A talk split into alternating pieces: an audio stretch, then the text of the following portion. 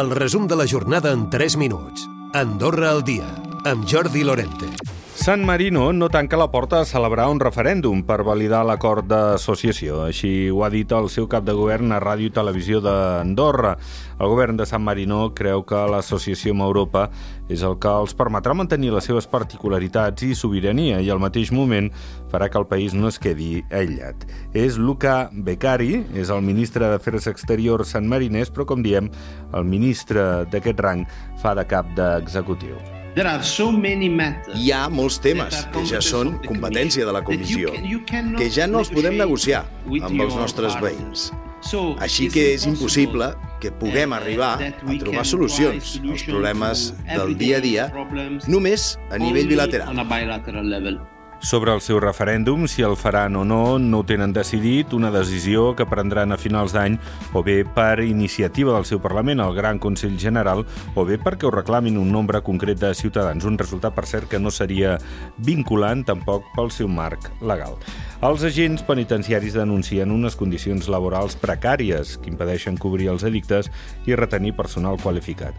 Afecten també els mitjans tècnics en un context en què cada vegada se'ls demanen més responsabilitats. Per això han demanat una reunió urgent amb la ministra de Justícia i Interior, una trobada que es preveu que es pugui dur a terme durant la segona quinzena de novembre. El Departament de Consum de Govern ha rebut sis queixes de part de persones que s'han vist afectades pel tancament sobtat de Dòrcia.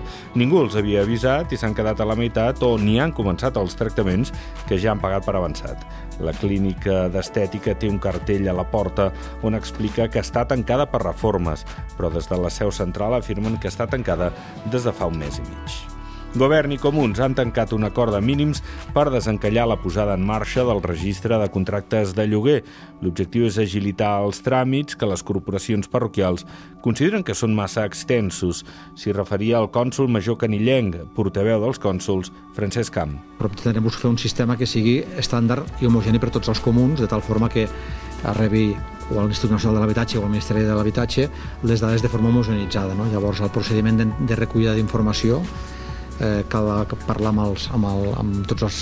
s'ha de veure des de, de, des de tots els departaments informàtics dels comuns i el de govern de com ho farem, no? però entenem que ha de ser una cosa ràpida i àgil. La problemàtica dels abocadors eh, també era present a la reunió de cònsols d'aquest divendres. La meteorologia hi està jugant a favor, ja que gràcies a les altes temperatures, l'activitat aquells que estan situats a major altura es podrà allargar i l'AGE no es posiciona sobre com hauria de ser la descongelació dels lloguers.